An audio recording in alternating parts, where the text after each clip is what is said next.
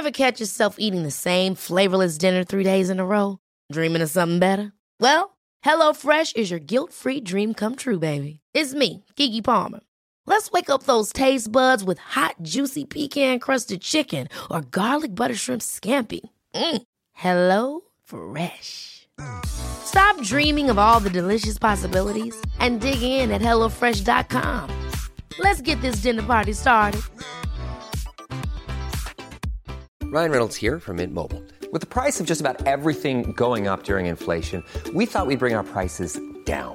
So to help us, we brought in a reverse auctioneer, which is apparently a thing.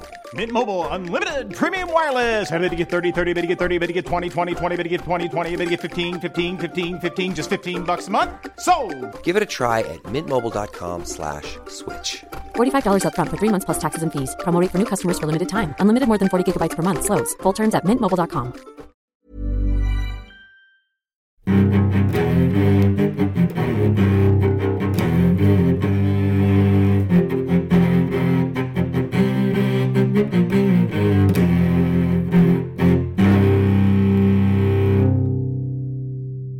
CSR-podden med Åsa Stenborg och Torbjörn Olofsson. Eh, hörni, hej och välkomna. Idag så ska vi träffa Magnus Österman. Han är verksamhetschef för CSR Västsverige som är faktiskt ett regionalt eh, initiativ just i Västsverige, Göteborgstrakten får jag väl säga. Ett spännande samtal och ett väldigt annorlunda nätverk jämfört med de vi har pratat med tidigare. Ja, många medlemmar, 218 företag. Må, väldigt många. Blandning mellan offentlig och privat sektor. Ja. Det är en av få också. Och helt, helt eget event också i Göteborg. Absolut. Som är årligt återkommande. Men det ska vi få höra mer om. Hörni, eh, gå gärna in på Facebook och eh, följ oss där också. Dela med till andra och gilla. Och, och skriv gärna vad ni tycker. Mm. Vi är inte social media specialister så vi är väldigt tysta. Vi sänder inte så ofta men vi mottar gärna. Så tycker ni och tänker ni och mejlar ni oss och har åsikter om det vi gör så lyssnar vi och lär. Vi är hemskt nyfikna på vad ni tycker. Om ni vill ha någon, föreslå någon person som vi ska intervjua också såklart. Men nu över till Magnus Österman. Välkommen hit Magnus. Tack så mycket, roligt att vara här. Eh, Det känns ju naturligt att börja med frågan, eh, vad är CSR Västsverige? Ja, alltså man kan ju ta de korta liksom, faktapunkterna som vi, vi, när vi presenterar oss så kan vi säga så här att vi brukar säga så här att vi är idag Sveriges största CSR-nätverk. Eh, vi brukar lägga till att det är ett sektoröverskridande eh, samhällsansvar i det. Eh, det finns säkert någon som kan tycka att men vi är lite större men, men, men det är inte det viktiga utan det kanske att vi är ett aktivt, stort aktivt att säga, nätverk. Vilka är Eh, medlemmar? Alltså vi är, eh, i dagsläget så är vi 220 eh, medlemmar. Mm. Eh, Och en väldigt viktig eh, bit är just public and private greppet som, som när vi när CSRVS startade för 7-8 år sedan. Så var det, ingången var helt enkelt att det här ska vara en kraftsamling som inkluderar samhällets så säga, alla sektorer. Mm. Men Så det är företag vi pratar om? Det är, Nej, nej det det, är- är... både privatpersoner och företag? Nej, inte civilsamhället. Nej, okej. Utan det är Mm. det organiserade med ett organisationsnummer kan man väl säga. Mm. Det är den delen av CSR-nätverket. Kommuner, kommunala bolag, Ja, alltså, ideella föreningar. absolut. Så tittar Alla. man på det liksom, så har vi, vi har alltså näringslivet, vi har idéburen organisation, NGO-erna, vi har offentlig sektor och akademisk sektor. Ja, just det, såklart. Och, och, och sen kan man skära det på storlek också. alltså, så inom näringslivet så, så, så är de stora multinationella en del, alltså Volvo, eh, AstraZeneca är med, fåmansföretagarna är med. Mm. Det är en väldigt spännande så att säga, höjd i den här också. Så en person kan representera Volvo, en person kan representera sig själv? Eh, Ja, samlingen. utifrån att den personen Ja, har någon form av eh, näringsverksamhet. Då. Och, och, och sen har du hela den idébura NGO-sektorn då. Och då är det ju allting från 90-kontoorganisationerna som finns med. Eh, BRIS exempelvis, den typen av så att säga, ner till mer lokala som Räddningsmissionen, Stadsmissionen, det finns eh, läxhjälp, det finns det eh, Faktum, alltså hela den sektorn. Och man kan väl säga att ungefär 70% av vår medlemsbas, då, vi är 220 idag då, 70% är från näringslivet. Eh, cirka 20% är från eh, så att säga, idéburen sektor. Resten är då från offentlig sektor eh, och akademin. Så att, 10 procent då? Ja, som så, jag säger, ja, som är så offentlig sektor är, är, är, är landsting. Tycker du blandningen är bra? Är du nöjd med blandningen? Fantastiskt, jag tycker att det är det som är tjusningen med Mm. det här. Att det är liksom eh, samverkan i, i essensen är det. Alltså alla är inkluderade. Så att när vi presenterar oss Mm.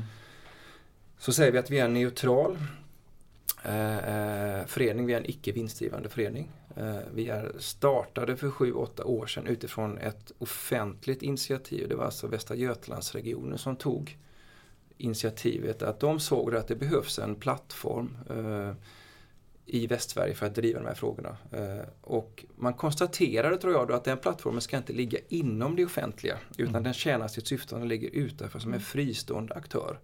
Så man alltså knuffade igång det här som ett, eh, ett initiativ. Så i början av första två åren från 2007 så var det här ett involverande samtal. Och sen konstituerades en, en eh, ideell förening. Efter Eh, två år? Un, ungefär skulle jag vilja säga då. Mm. Eh, med stadgar, en föreningsdriven årsstämma eh, och väldigt tydligt det här att det är ett syfte bakom det här också. Då. alltså. Mm. Och, och, och vad säger du varför man ska gå med i i ett nätverk? Vad, vad är pitchen? Alltså vi- det är, är ju den ökade medvetenheten kring att, att det här är både verksamhetsnytta och samhällsnytta som, som, alltså, som förenas i det här. Så att man kan väl, pitchen är väl, alltså det som är spännande tycker jag att vi har aldrig behövt egentligen gå ut och adressera den här frågan. Riktigt. Så att det här är så här organiskt genererat utifrån en ökad medvetenhet. Så att bara nu de sista två månaderna så har vi fått en, jag tror det är en, en eh, 15-16 nya medlemmar. Så att, men det drivs ju utifrån självklart den här alltså CSR-agendan har ju liksom sista fem åren mognat skulle jag vilja säga. Att den där insikten om att mm det här måste vi göra och det här tjänar vi på att göra. Det är den som driver det. Mm. Men vi säljer inte oss själva och det är väldigt spännande. Men vad får man som medlem? Va, alltså, vad är det ni erbjuder som arena för de frågorna? Ja, och det kan man väl säga så här, det är ju den frågan som vi måste... Eh, För det måste ni väl ändå ja, berätta? och ja. Ja. Och då kan man väl säga så här att det är ett stöd. Vi brukar säga att eh, vi sammanfattar vår verksamhet i, i, i tre olika dimensioner. Eller till olika, vi säger att vi ska vara ett medlemsstöd. Vi är ju till för våra medlemmar ytterst.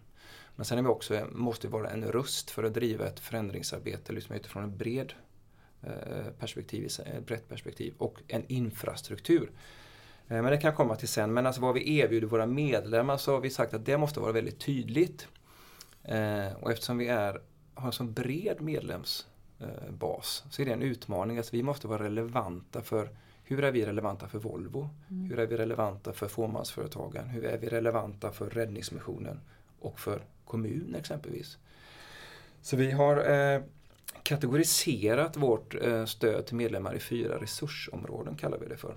Vad som efterfrågas när vi gör våra medlemsundersökningar så är det här ett väldigt stort kompetens Alltså CSR på bred front handlar väldigt mycket om att man vill ha, man vill ha kunskap, inspiration, erfarenhetsutbyte.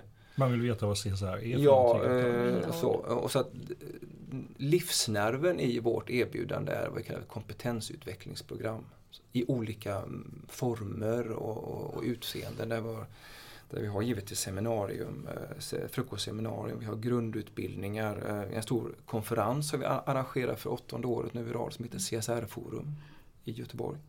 Samlar ungefär 400 deltagare. Eh, samverkansgrupper. Så att vi har ett program där det fysiska mötet sker. Det är det ena och det är väl kanske det som är så att säga vår livsnerv. Mm. Men sen är ju det här som är, är i vårt, så säga, vår vision är att hur får man ut det här på bred front i Västsverige och då krävs det mer än så att säga engångsevent. Så.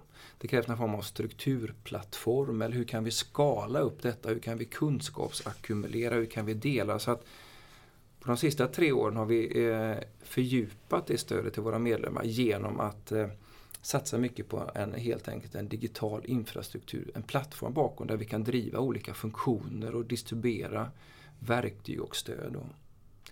Så tittar man på de andra, så att säga, eh, vårt erbjudande utöver kompetensutvecklingsprogrammet så hittar vi tre olika områden. Eh, det är ett område som heter verktyg och metoder. Mm. Och där, är liksom, där kan du hitta handlingsprogram vi kallar för ansvarsinitiativ. Alltså mm. konkreta uppsättningar av vad jag kan göra som organisation. Och det kan fungera både som en checklista, gör vi rätt saker, men också inspiration och att medvetandegöra.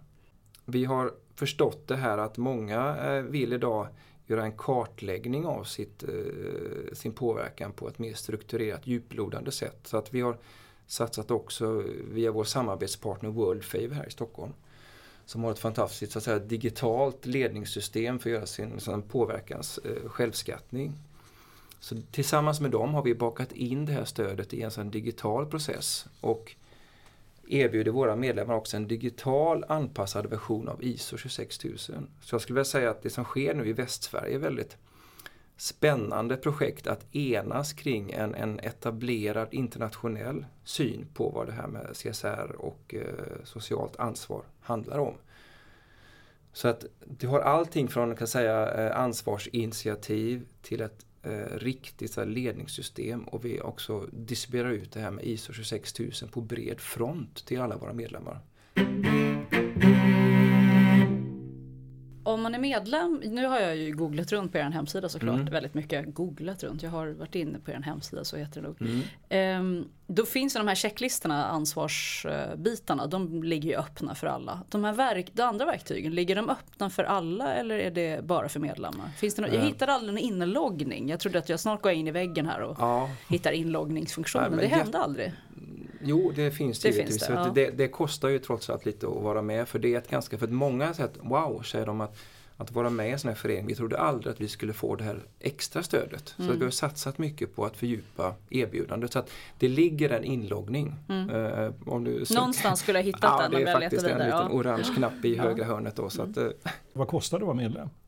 Det, eh, vi har baserat det på hur många eh, medarbetare man är. Så Volvo betalar avsevärt mycket mer än den enskilda Nej, konsulten? Eh, I fallet Volvo är man eh, över eh, Volvo betalar 10 000 per år.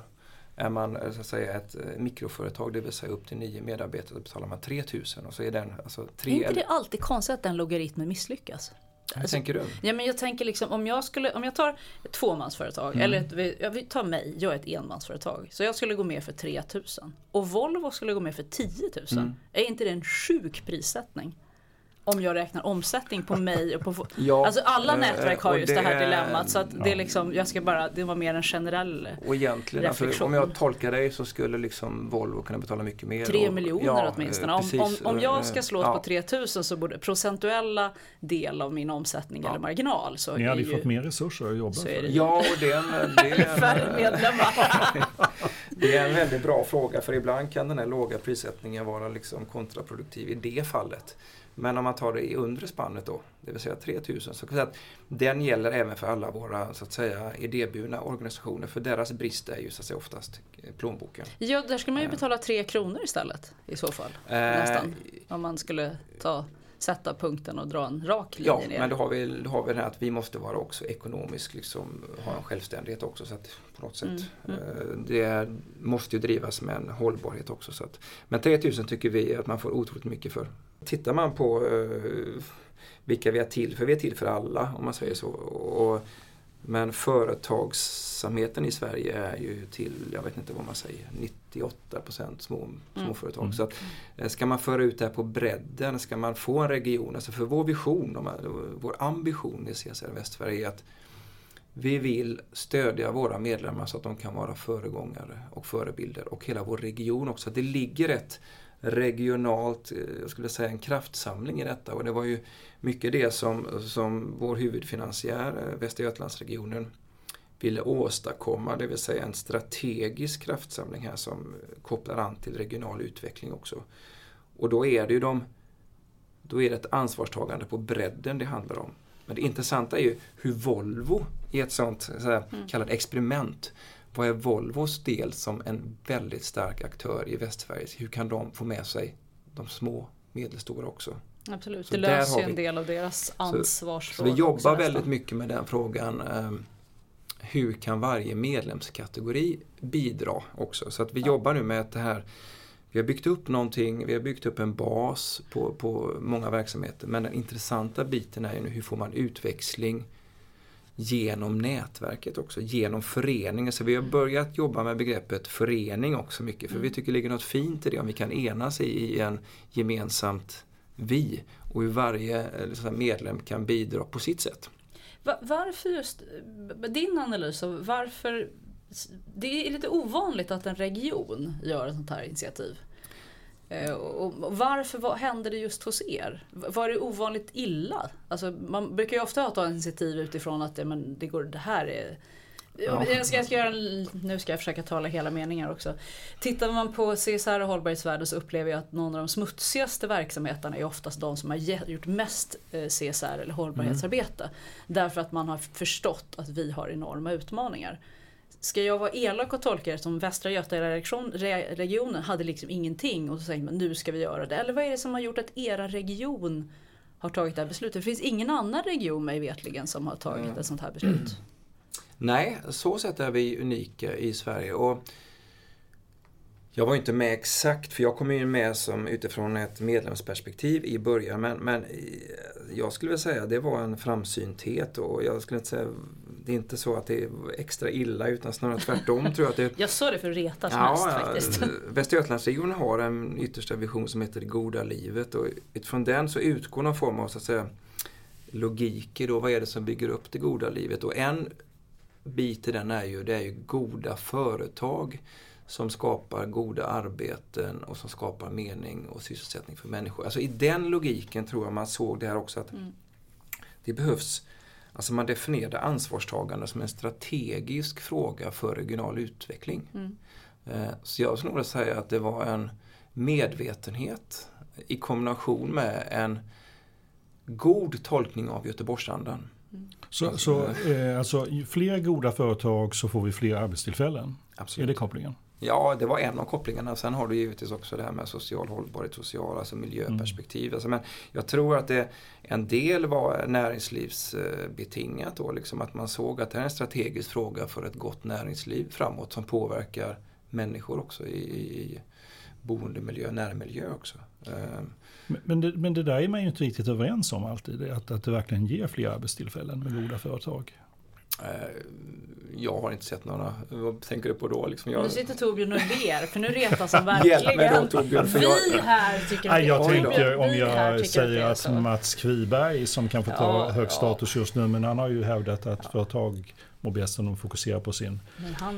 naturliga uppgift att tjäna pengar. Inte på att springa omkring och vara goda och dela ut pengar jag håller inte med där. Så att jag är ju definitivt så nu kommer jag på lite mer djupare där perspektivet. Men jag tror ju alltså företagens roll är att tjäna pengar men sättet att tjäna pengar på framåt är dramatiskt annorlunda nu än vad det var för ett antal år sedan. Mm. Så att jag, jag tror i frågan alltså...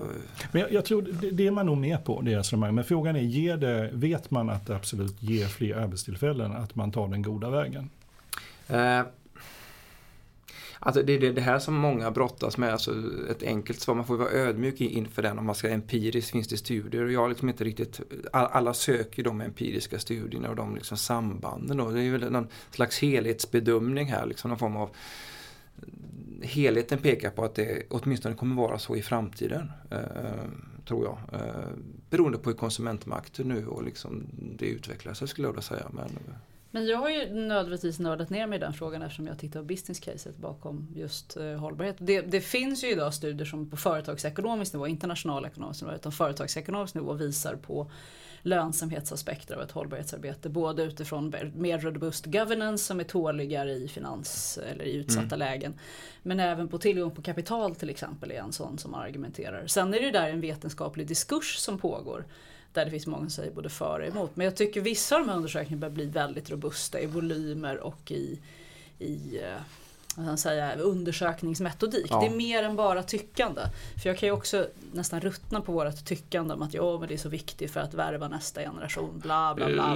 Det finns ju massa ja. sånt som man mm. nästan känner att det där är mer religion än det egentligen är är verkligt, ett verkligt. Så. Mm. Men studierna är ju inte, det är inte norm i studievärlden längre. Är du på väg? Min, jag tänkte flika in här bara. För du började med att säga att det var, först måste jag bara fråga, känner du till om det är någon annan region som har eh, startat något liknande? Eh, är det ja. någon region som blivit inspirerad? Stockholm har inte blivit det, det alltså vet vi, vi blir tillfrågade ganska ofta faktiskt av lokala krafter som vill starta upp någonting. Alltså, och fråga hur har ni gjort i Västsverige för att mm. etablera det här då? Uh, men sen det, det jag tänker på, alltså det, det är ju egentligen CSR Skåne då som, som är någon form av jag ska inte säga liknande nätverk, men det finns ändå ett tydligt nätverk där. Men mm. där även det offentliga är involverat på olika sätt. Men, men eh, avsändaren där är ju inte enbart så att säga, det offentliga utan det är ju också en sån stiftelse bakom och så vidare. Och man har en annan så att säga, sidoverksamhet eller huvudverksamhet också. Så att, men det är en väldigt viktig fråga för jag tror att vi är ett sånt framgångsexempel som man kan bara titta på då, va, hur vi har lyckats med det. Ni har varit finansierade, det startade som ett regional, det fick en grundfinansiering. Vi satt här i Stockholm och började dregla när man hörde men de får 4 miljoner till start och får bara börja. Förstår ni vilken leklåda? Vi var väldigt avundsjuka. Ehm, jag var väldigt ja. avundsjuk. Ehm, men kommer man fortsätta finansiera? För nu finns det medlemsavgifter också. I förlängningen är tanken att nätverket ska vara ehm, självfinansierande. Är ni det idag? Hur ser det ut? Idag, vi, vi, har en, vi är ett eh, litet kansli. Alltså, sen, sen hyr vi in vi personer som jobbar i olika typer av sammanhang. Så, så vi är ett kansli på tre personer. Vi har givetvis hy, hyror och vi har våra IT-system och uppsättningar av program och sånt. Så att vi, vi har en kostnadsomslutning på cirka 4 miljoner. Eh, vi har medlems externa egna intäkter på en och en halv miljon. Mm. Eh, vilket innebär att 2,5 miljoner är vårt bidragsberoende. Så att det är den nivån som vi har fått under ganska lång tid nu av Västra Götalandsregionen. Så att, mm.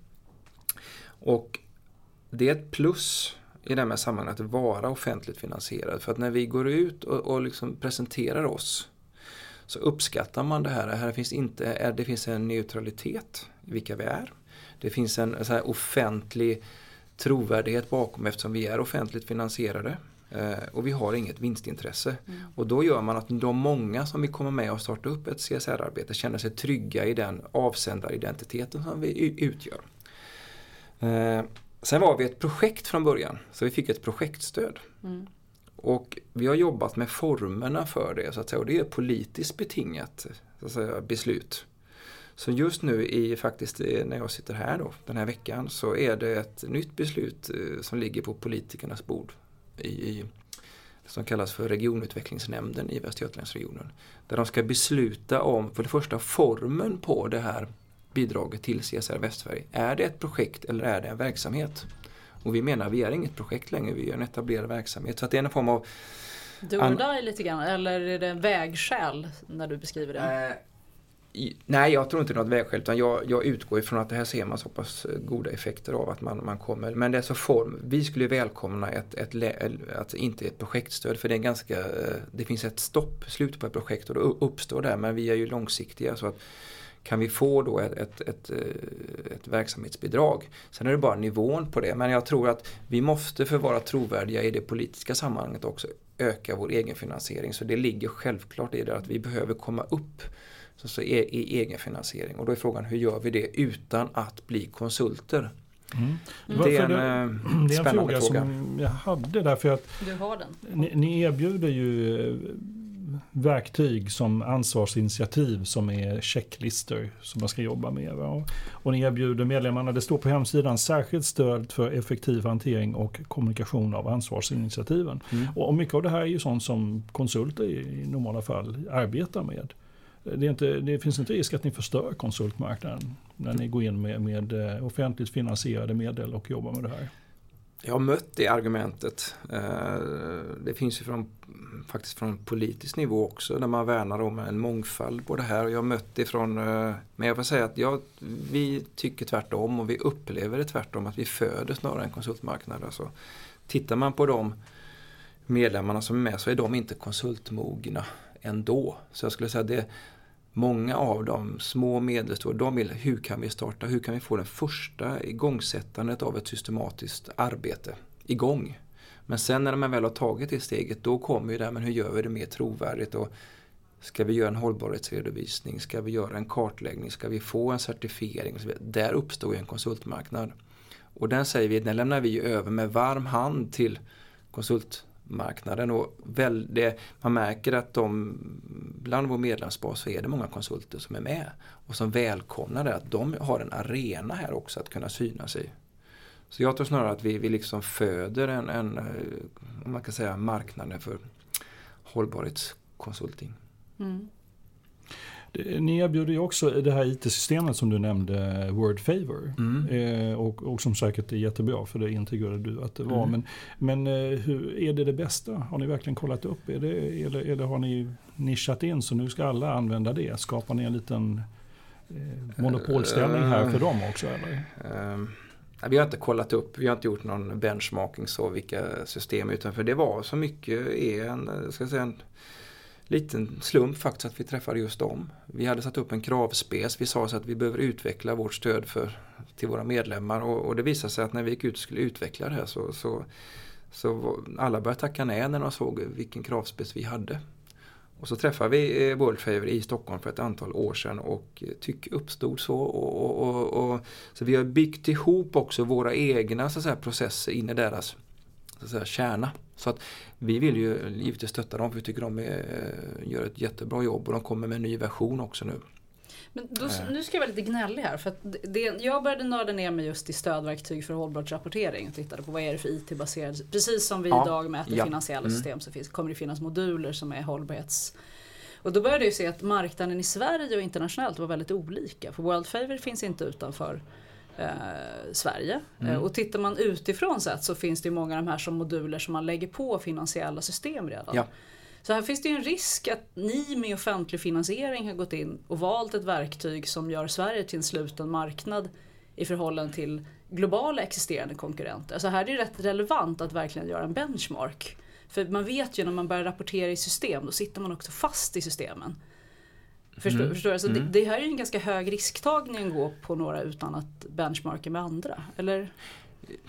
Jag vet inte om jag håller mm, jag förstår ju. Men förstår, jag håller, nej, jag håller nog alltså jag, jag tycker snarare så här att, att, att det här, det beror på hur vi eh, säger man ska använda World Favor. Det är inte så att vi ser snarare att det här är ett system som digitaliserar en viss kunskap kring ISO 26000.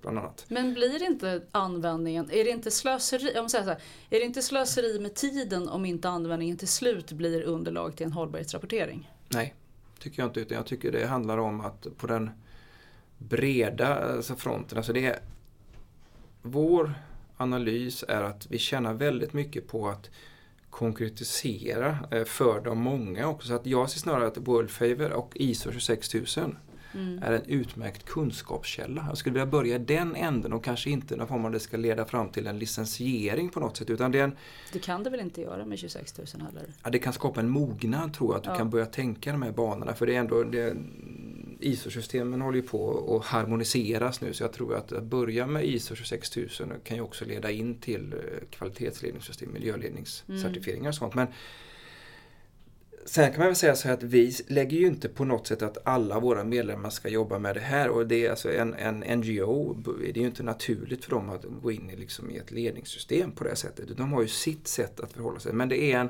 väldigt spännande eh, sätt att, så att säga, eh, ackumulera och ha som en kunskapskälla tror jag. Eh, och där fanns Worldfave i rätt tid när vi byggde detta då. Och, och mm. Så det är en, en, en, en det stärker vårt erbjudande helt klart. Men förstår du, förstår du någonting av det vi gnöllar om? I... Vi? Det är bara okay. du som gnöllar. Jag sitter här jättesnäll. Nej, för jag, alltså, jag kullerbyttar på två håll ska jag säga. Ja. Jag kullerbyttar, jag kullerbyttar framför allt att så fort man börjar använda ett, ett IT-baserat system, det tycker jag är väldigt bra. Så det har jag verkligen mm. inget emot. Och det tycker jag är klokt ja. till på köpet.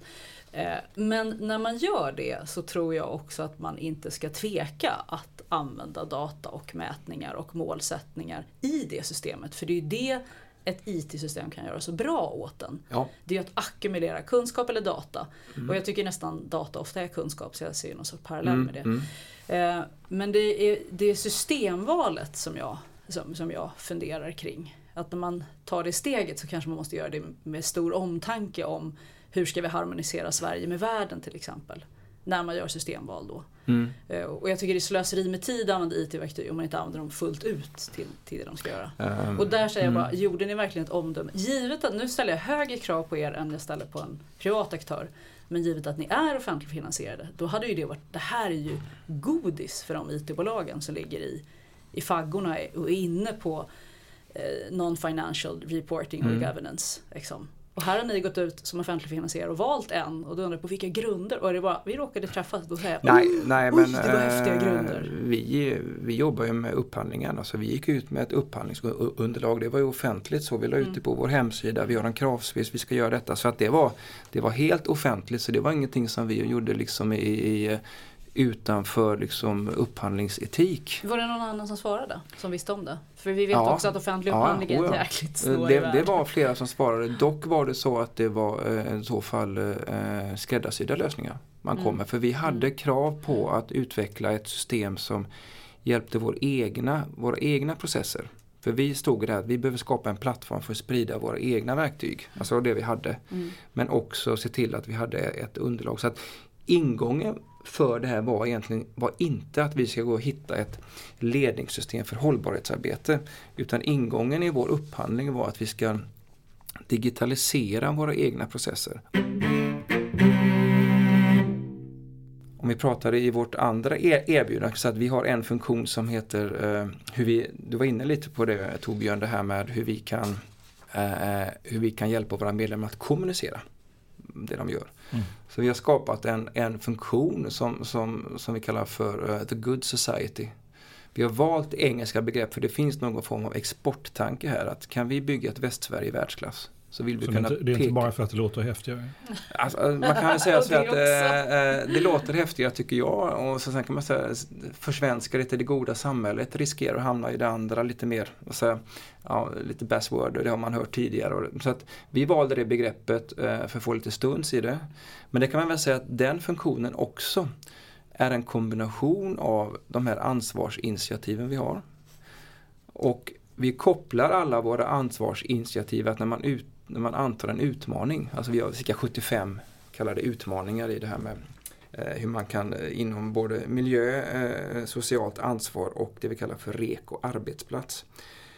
När en av våra medlemmar, det ska vi göra, för vi vill ha det där liksom framåtlutande, så därför vi kallar det för utmaning. När man antar en sån utmaning så får man automatiskt att säga möjligheter att man, hur kopplar detta an till ISO 26000?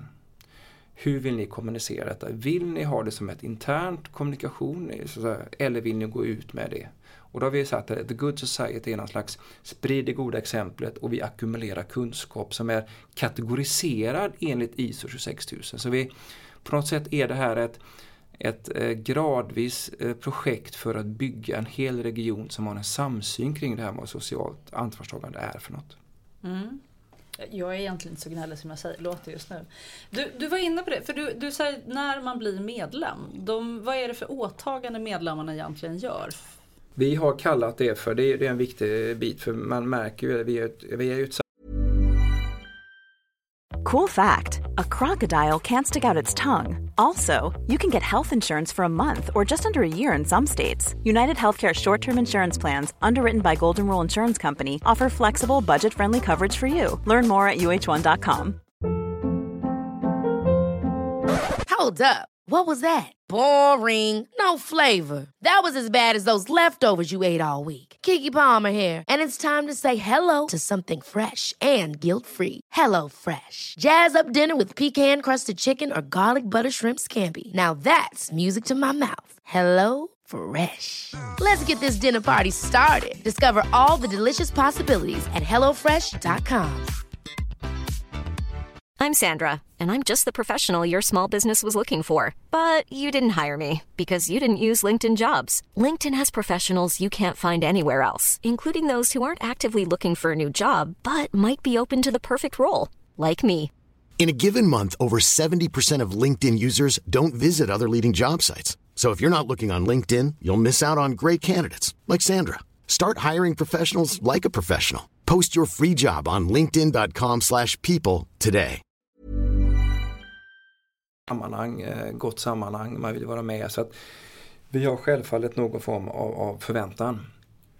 Eh, vi kallar det först medlemskrav men vi har valt begreppet förväntan för vi vill inte vara en kontrollerande organisation. Så, så att det ligger en tonalitet i begreppet förväntan. Då. Men dock är det så att en, en tydlighet i det där då.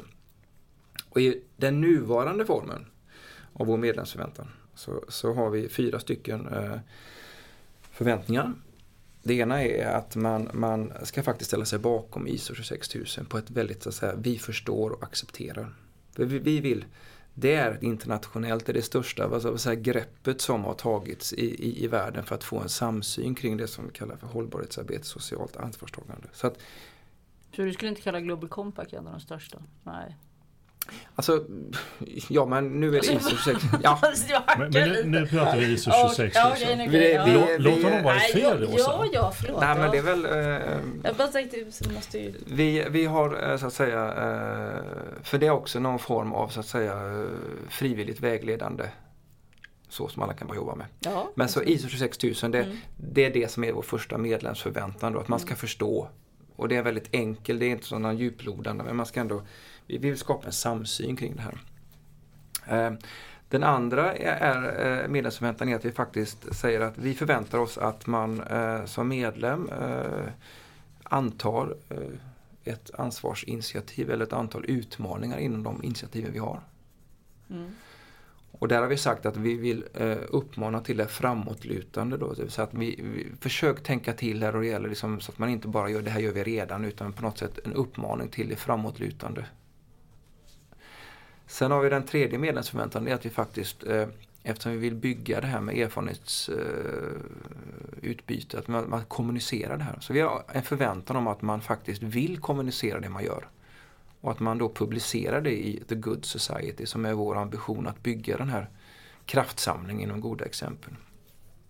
Och sen den fjärde medlemsförväntan som, som vi arbetar med eh, det är att vi vill att man en gång per år då gör så att säga någon form av reflektion över de framstegen som, som man har gjort i sitt CSR-arbete under året.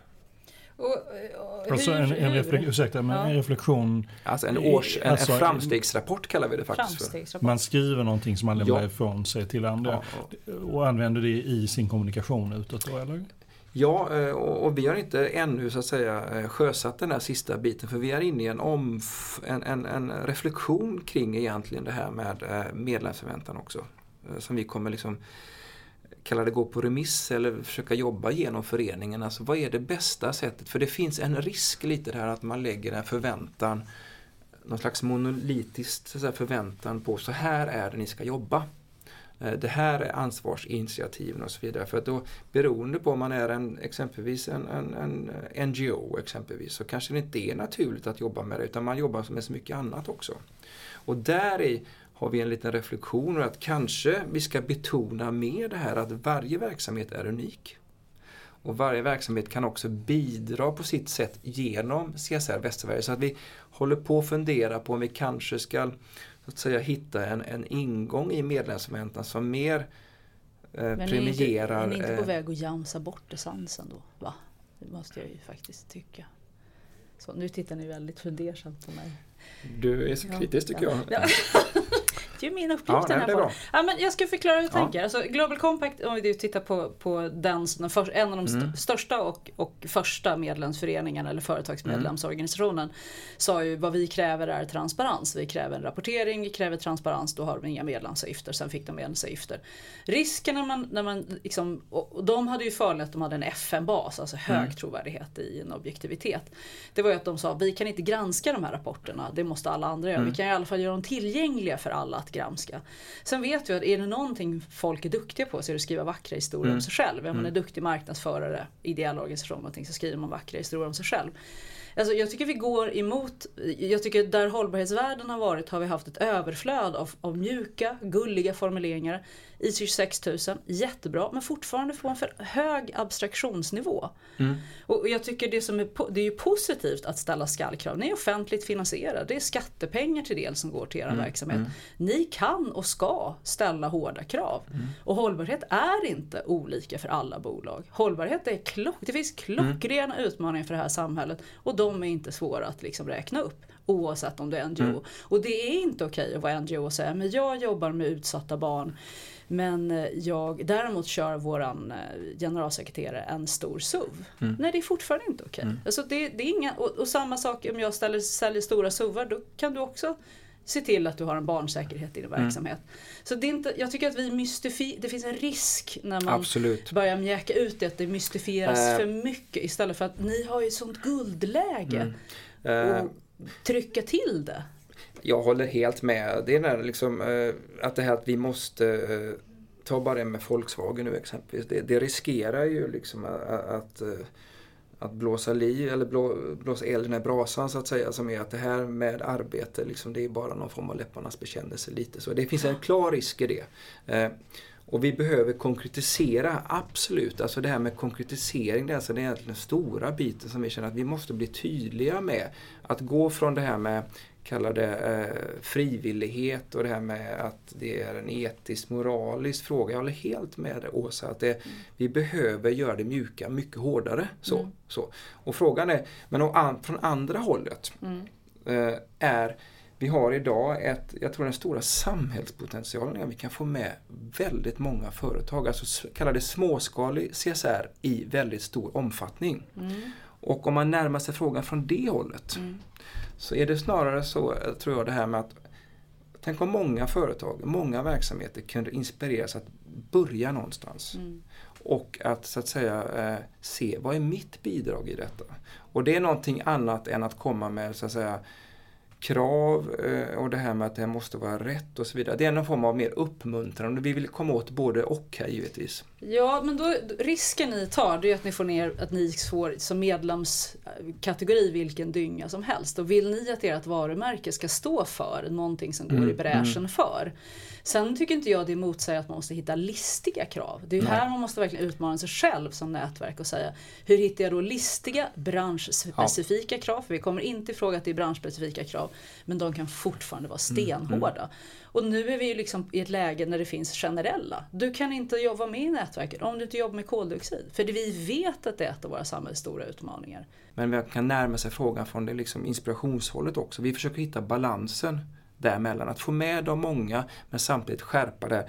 Det går inte längre liksom att, att det här är en nödvändighet. vi måste också skärpa till oss. Så att när jag, när, jag säger det med bidragsmodell så är det snarare ett lärandeperspektiv bakom det. Vi vill uppmuntra en hel region att dela med sig av erfarenheter snarare än att det ska bli någon form av hållbarhetsrapportering, eh, lite godtyckligt så. utan vi vill få att varje eh, medlem i CSR Västsverige ska kunna liksom inspirera varandra och skapa goda exempel. Så det är mer utifrån den, det perspektivet vi vill fundera på om vi inte behöver förstärka det här det medskapande perspektivet.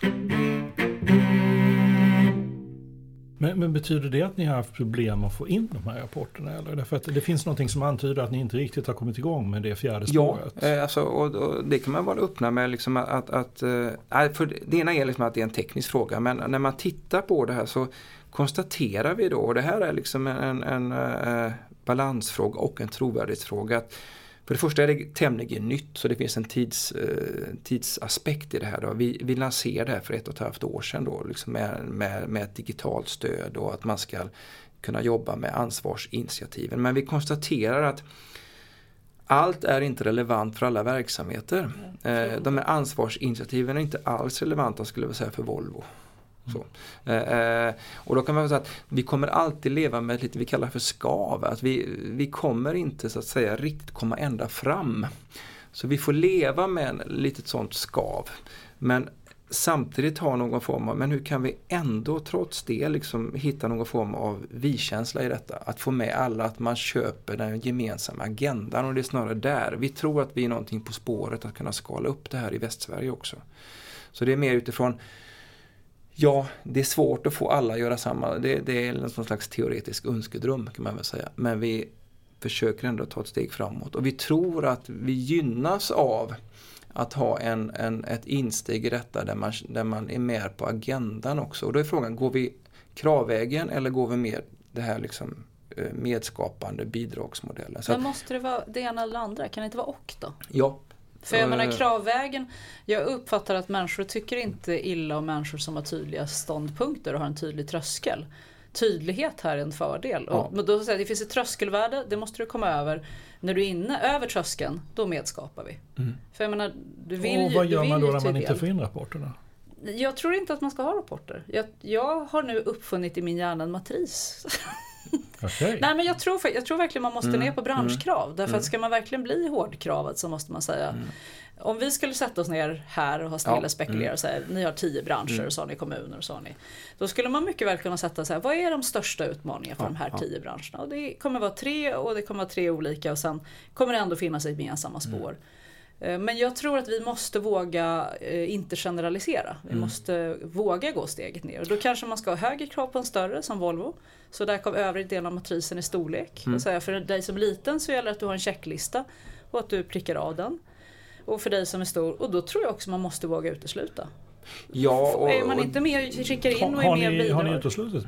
Nej det har vi inte gjort. Och, liksom, och den här frågan bransch, eh, vi har valt en annan väg. Vi, har, vi, vi säger att det finns branschorganisationer med branschkompetens och vi vill vara komplementärer till dem. För att jag tror att det handlar också om en resursfråga. För ska man jobba mer aktivt med så att säga kalla det branschkrav och sånt så, så måste du ha en helt annan apparat bakom dig. Och vi är vår roll är att, så att säga, föda och inspirera också på bred front. Men det inkluderar också de här större företagen att vara med i den rörelsen.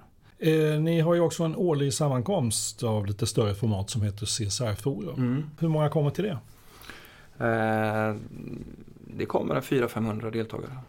Så att det, det, har växt till sig ganska rejält. Det är åttonde året i, i full som vi arrangerar det här.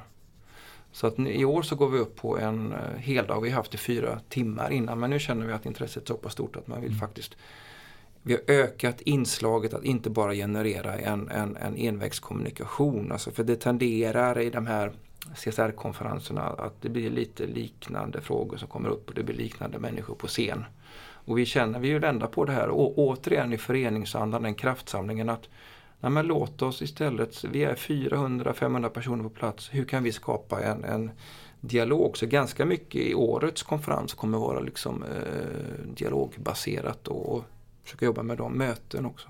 Jag ska säga, efter att ha grottat ner mig mm. i er verksamhet så är ni ju absolut det mest transparenta nätverket som jag har träffat på. Det är ju otroligt, det är en fröjd att gå på er hemsida för mm. att det, ni har protokollen och ni har strategierna och ni har dagordningarna publika. Så mm. utifrån transparensperspektiv så är ni otroligt duktiga. Det tack, ska tack.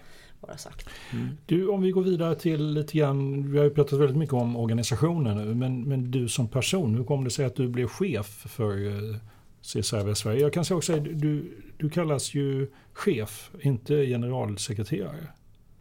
Verksamhetschef. Verksamhetschef. Uh, Ja, generalsekreterare, alltså vi, vi, är ju inte, vi är ju en ideell förening och jag tror att generalsekreterare i den här bemärkelsen ligger på ett helt annat plan. Så att, så att jag leder ett, ett eh, kansli eh, på tre personer, jag har två fantastiska medarbetare som är jättekunniga på sina områden. Vi har en styrelse. så att Hur jag blev verksamhetschef, eh, alltså, egentligen var det så att jag jag nämnde det tidigare, jag var ju med från början när, när CSR Västfärje eh, liksom, initiativet togs och det var ett involverande samtal. Jag var med utifrån mitt dåvarande jobb eh, och, och, fick efter några år frågan att gå med i styrelsen. För, det, för de tyckte att jag var aktiv och tillförde eh, engagemang. Och efter cirka ett och ett halvt år i styrelsen så sa dåvarande verksamhetschefen så att hon skulle söka sig, hon skulle sluta och jag minns i samma sekund som hon sa det då trillade poletten ner hos mig att det är ju mitt drömjobb. Men, men dittills hade du inte jobbat så jättemycket med CSR-frågorna? Jo, eh, alltså vad kan jag säga, när jag började med CSR-frågorna, jag har ju långt alltså förflutet från, eh, från början, om man tar den, liksom, den långa historien väldigt kort, så kan man säga att ekonom, gick ut Handelshögskolan i, i Göteborg på 80-talet och det var ju en tid där hållbarhet inte fanns på agendan överhuvudtaget utan det var, det var räntabilitet på kapital och det var redovisning och så vidare. Sen hamnade jag in i, i IT-branschen och, och jobbade i ett stort börsnoterat eh, bolag som eh, affärskonsult eller verksamhetskonsult. Så jag var med ungefär tio år och gjorde en herrans massa verksamhetsutvecklingsprojekt. Eh, det ledde mig fram till millenniumskiftet och, och, och då kände jag att jag ville ta ett sabbatsår. För att jag ville liksom, det fanns mer än att vara liksom verksamhetskonsult och liksom leda företag. Eh, då hamnade jag i, i, tog ett sabbatsår och bland annat i lite välgörenhetsprojekt. Jag var ute i Ukraina och jobbade med bland bergen och med, med socialt eh, arbete och så vidare. Och fick väl också en känsla där av att jag ville kombinera det här framåt. Sen hade jag några år av fortsatt arbete i det stora börsnoterade företaget eh, i kombination med deltidsstudier inom eh, teologi faktiskt. Jag läste religionsvetenskap, jag läste in en teokand eh, på universitetet också för att komplettera min civilekonomexamen. Det måste det, vara en väldigt ovanlig kombination. Ja, Tror du inte det? Eller? det ligger nära min passion. Jag tycker om det här med idéhistoria och filosofi och religion. Så att, det eh, var en väldigt eh, härlig tid. Men det ledde mig fram till också eh, cirka 2007 och det är väl där jag, när jag reflekterar när jag tog mig an CSR-budskapet. Där. För då fick jag 2007 en känsla av att jag inte skulle jobba i det stora konsultföretaget längre. Du undviker att nämna det vid namn. Alla alltså, sitter och funderar på ja, vad, vad alltså, är det för Från början var det, ett, det var ett företag som hette VM-data som, som var Nordens ledande IT-företag. Eh, och sen blev det uppköpt av, av europeisk koncern som heter Logica och nu heter det CGI. Mm. Så, så det är en stort, stor koncern. Men, men eh, 2007 så tog jag ett beslut att jag vill gå lite mer mot eh, back to basic om man säger så, småskalighet, eh, mening. Så då slutade jag Eh, och eh, funderade lite och i samma veva så, så startade jag ett litet konsultföretag eh, som heter Mindheart Company for Life. Eh, för att just kombinera det här med mening eh, och eh, hjärta och hjärna. Så att säga. Men innan jag hann köra igång det där bolaget så blev jag kontaktad av, av en, ett bolag som sökte en kraft, en, en, en person som i ett vd-uppdrag att hjälpa idéburna organisationer. För det bolaget hade ett uppdrag för BRIS, Cancerfonden och Barncancerfonden. Att kontakta alla Sveriges företag och marknadsföra de idéburna organisationernas verksamhet i syfte att få in pengar. Mm. Och då fick jag det eh, vd-uppdraget och då kände jag liksom att här måste det omformas på något sätt. Det, det håller inte längre att komma så att säga och kanske med mössan i handen och tigga pengar. Och där landade på något sätt, tror jag, när man tittar på CSR, när det började ta fart, så är vi någonstans, åtminstone enligt min tolkning, 2007-2008. Jag började stöta på det här begreppet mer och mer. Och det var också där som jag, jag omformade så att säga det bolagets strategi mot CSR.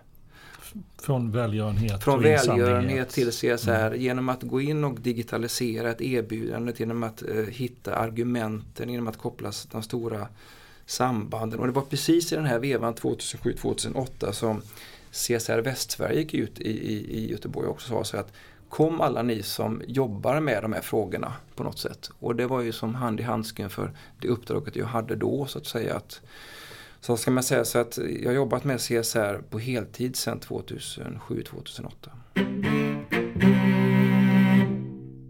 Trivs du i CSR-världen? Tycker du det är en...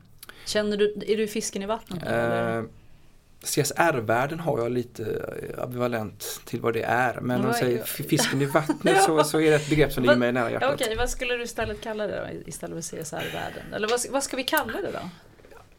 Ja, CSR-världen är väl en, en, ändå en, eh, Men man kan göra reflektioner, det är ändå en liten värld. Mm. Uh, och det är väl där jag har liksom att vi är ju en liten cirkus som åker omkring eller som försöker skapa mening helt mm. klart. Då. Så att, så att, att uh, men låt oss kalla det CSR, jag tror att det är ändå ett det är ett bra begrepp då. Mm.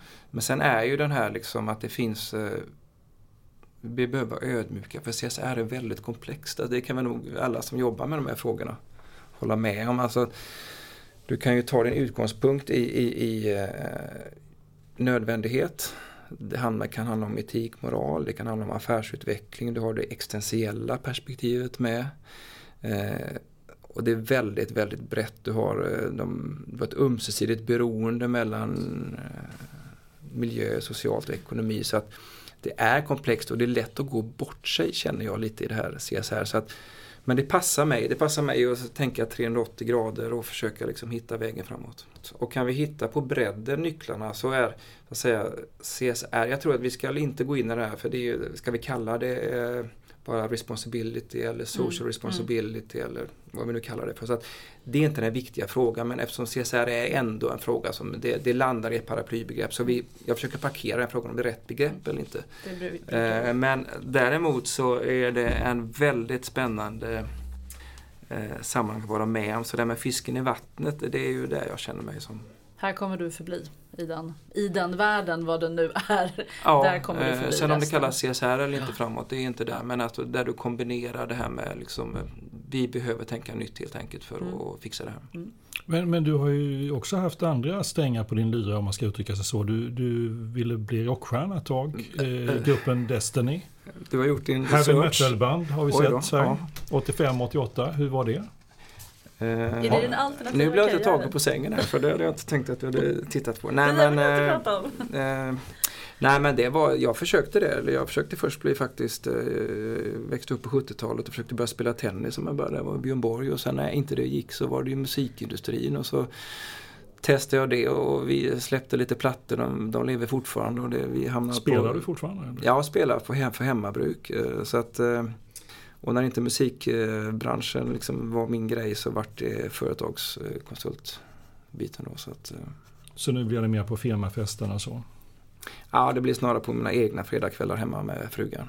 En fråga till er båda. Sitter CSR och marknadsföring ihop? Du har ju en bakgrund av att du har jobbat som verksamhetsutvecklare men i större bolag. Mm. Eh, jag var lite nyfiken på att se ditt perspektiv av vad du har med dig därifrån, hur det kommer in i CSR-världen. Och, och ni återkommer ganska mycket när man läser CSR i Västsverige av det här, du måste berätta om det du mm, gör och, mm, och kommunikation. Mm.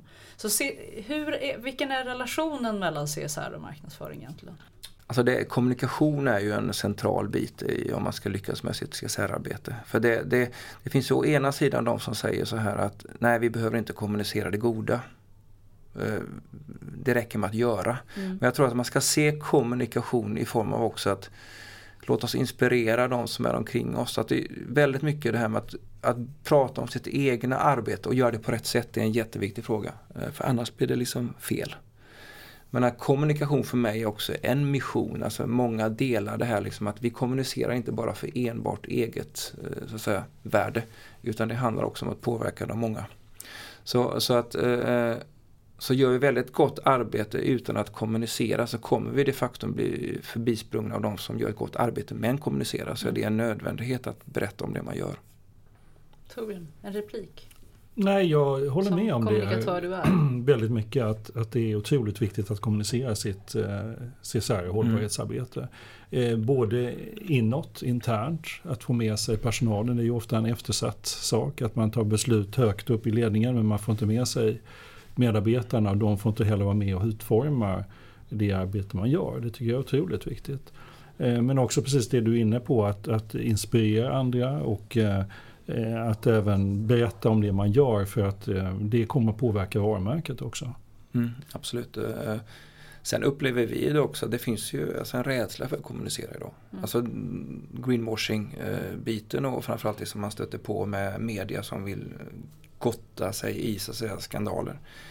Eh, och det känner vi att må många liksom frågar, men hur schysst måste vi vara för att kommunicera? Även alltså, nu pratar om små verksamheter då som står, de vill, du har intern kommunikation mot medarbetare, det är också väldigt svårt. För att har du börjat med den kommunikationen utan att ha satt så att säga, företagskulturen så kan det bli väldigt, det kan bli en klyfta mellan ledning som kommunicerar och medarbetare som inte känner igen sig. Men jag tror att många idag, alltså jag känner nog att en del vill kommunicera men det finns en rädsla och då försöker vi bemöta den rädslan och säga så här att har man gjort sin hemläxa lite, det vill säga om man har gjort sin kartläggning, alltså vet man någorlunda hur ens påverkan är så kan man ha en helt annan svansföring också när man går ut och kommunicerar. Så att det här, vi vet om att vi har en påverkan så att orden balans och transparens är de våra nyckelord när vi jobbar med hur vi vill skapa grundsyn kring hur man kommunicerar hållbarhetsarbete. Att, att, att beskriva det som man är bra på men också det vi inte är så bra på. Mm. Sen tror jag det här är en generationsfråga också. Alltså i en yngre generation så är det en självklarhet att man ska berätta var man står i de här frågorna. I en äldre generation så kanske man tycker att det, där kan vi väl hålla oss ifrån för vi vet ju inte riktigt var vi står i de frågorna. Så det är en liten vattendelare vilken eh, generation och mm. åldersgrupp det tillhör i de här frågorna tror jag. Mm. Och, och, och, och, där kommer du in på det här med alltså en väldigt viktig bit i CSR. Det är också att driva värdegrund, alltså, alltså djup, mer djuplodande så att säga för att det här ska ta fart också. För det finns framförallt i Sverige också med, med det finns någon form av, av ödmjukhet eller som kan ibland vara kontraproduktiv också i de här sammanhangen. Så att säga. Tycker du, jag tar fasta på ordet fart, tycker du att det finns en sense of urgency i ert nätverk kring förändring? Den kan bli bättre tycker jag. Uh, rent allmänt. Jag, jag, tror inte man kan säga att vår nätverk är, kanske har en högre känsla eller identitet i, i de här bitarna. Att vi måste öka omställningen, alltså det, farten måste öka. Uh, så jag har svårt att svara på den frågan hur vi förhåller oss till andra. Men, men jag tror vi i ökad omfattning här nu behöver kommunicera att det här är nödvändigt här och nu. Mm. Uh, och det tror jag absolut. Det finns en, all, en väldigt allvarlig eh, läge just nu. CSR-världen präglas av heta frågor. Skattefrågan mm. var inte på mm. CSR-agendan, är nu på CSR-agendan mm. upplever mm. jag, därför mm. stanna.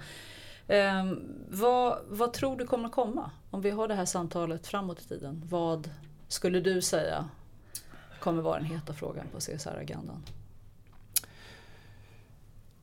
Det jag upplever lite nu det är väl det här hur vi kan nå ut än bättre mot delat värdeskapande. Eh, det vill säga att vi måste se till att vårt arbete också har, har en, så att säga, ett tydligt perspektiv att ge värde för samhället än mer tydligare än vi gjort idag. Och att det får inte hamna i välgörenhetsaspekten mm. och det får inte hamna i propaganda där vi bara ser på vårt egna arbete. Utan det är mycket, jag skulle vilja säga, uh, shared value-begreppet på ett litet annat sätt än vi kanske är vana att titta på det liksom också. Eh, intressentdialog tror jag som, eh, som ligger i samma anda i det här. Att, och det är ett begrepp som eh, finns i väldigt många som standarddefinitioner som alltså ISO och så vidare. Som dyker. Men än så länge så har inte det slått rot skulle jag vilja säga med hur man aktivt bedriver sin intressentdialog. Så jag tror det här med att, att låta omvärldstrycket påverka det egna arbetet, det är där jag tror så att säga, mm. den stora eh, omdaningen ligger. Att faktiskt ganska ödmjukt ställa sig frågan, alltså ni som är våra intressenter,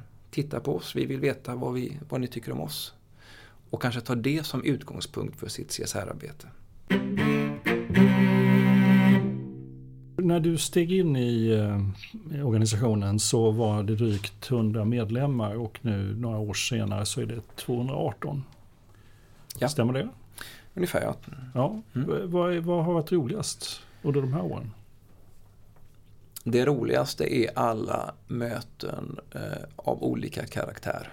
Skulle jag säga. Och det är på daglig nivå. Alltså det är eh, att få eh, frågan från någon som vill börja jobba med det här med hur, hur förankrar vi detta i, i ledningen till till eh, kalla det nybörjarföretaget som förstår att vi måste börja jobba med de här frågorna. Så det, det är den här mångfacetterade kontakterna med vanliga verksamheter och, och, förstå att det här är liksom, det handlar om, jag ska inte säga sunt förnuft, men det handlar om en väldigt verklighetsnära medvetenhet som har breder ut sig. Och det roliga är att se vilken fart det har nu tagit på de sista tre åren. Det har sker någonting just nu och det märker vi i vår medlemstillströmning då också. Mm. Du, vad, vad har varit den största framgången? CSR-forum skulle jag vilja säga. Vi, vi har lyft en, en, en liten konferens till att bli en stor konferens, alltså en kraftsamling. Det, är, det har vi fått väldigt mycket så att säga, positiva saker. Mm. Vi har skalat upp vår volym. Alltså, så konferensen är en det ser du som den stora framgången? Ja, det är väldigt synlig. Nej, inte, alltså, det är ett man kommer att tänka på direkt. Här, okay. Det är väldigt synligt så tecken att mm. känna den här liksom att 400 personer träffas, eh, deltagare och delar någonting. Att, att stå mitt i den här kraftsamlingen och känna wow, det här håller, någonting håller på att ske.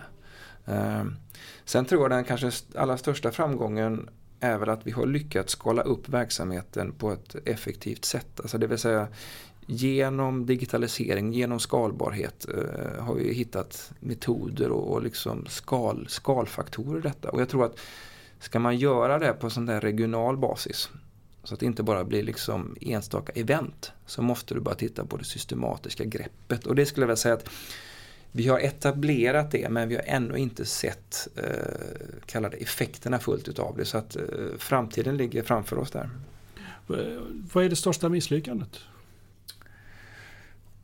Oj, oj, oj, oj. Uh, jag har svårt att svara på den. Uh, Finns det inga misslyckanden där? Det är självklart att vi har ju brister. Eh, eh, jag tror att den, jag vill inte kalla det för misslyckande, men den stora biten är väl att vi håller på, vi möts av det här stora eh, efterfrågetrycket, vi möts av ett intresse. Men att hålla agendan i detta, att, att inte springa på alla bollar. Alltså det, det är väldigt lätt om man har det här engagemanget med att vi är en förening, vi vill skapa gott. Att vara ute och möta så att säga alla och samtidigt ta liksom en, hålla någon form av, av, av, av eh, att kunna säga nej skulle jag vilja säga är den stora svårigheten. Mm. Det är en resursfråga ytterst. Så det, det, är någonting ni har lärt er längs vägen och nu börjar ni säga nej? Ja, faktiskt. Vi, vi, annars kommer vi implodera inifrån så att säga. Vi kommer inte klara av att hålla kvalitet och sånt. Utan vi måste hitta sätt att, och det där är också sen det här med bidragsmodell och föreningstanken. Det har med det här att vi kan inte vara ett kansli som får en hel region att blomstra utan vi måste se till att vi hittar motivationseffekter som får en hel, alltså vårt nätverk, föreningen att ta egna, det är den förflyttningen och det var det jag var inne på innan att den, det är det som är nyckeln, alltså hur, hur kan man få ett starkare vi och bli medskapande och det är ingen enkel resa men, men vi försöker. Vi försökte göra en av våra favoritfrågor i praktiken här. Jag vet inte hur bra det blev. Det blev jättebra. Vi, vi har nämligen en teori att man lär sig mer av sina misstag än av sina lyckanden. Ja, eh, ja. Vi, ska, vi gör misstagskonferensen. För vi tror att vi pratar alldeles för mycket om goda exempel. Och det funkar ja. inte. Och det har vi gjort i generationer. Det har inte drivit förändring. Ja, men jag, jag, jag, ska ta med den för den är alltid bra att reflektera kring. Kan man dela med, men kan man dela med sig av saker där man säger det här har inte gått så bra för mig. Då mm. finns det ett väldigt stort lärande i det. Magnus, stort tack för att du kom hit idag. Mm. Tack för att jag fick vara med. Det var ett nöje. Tack. tack.